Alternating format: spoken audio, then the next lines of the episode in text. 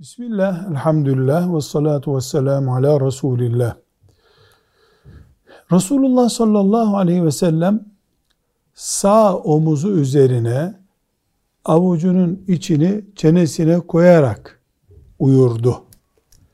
Bu şekilde uyumasak günah olur mu diye soran kardeşimize diyoruz ki sol omuz üzerinde de uyunabilir, sırt üstü yatılarak da uyulabilir. Sadece yüzüstü yatmakta kerahet vardır.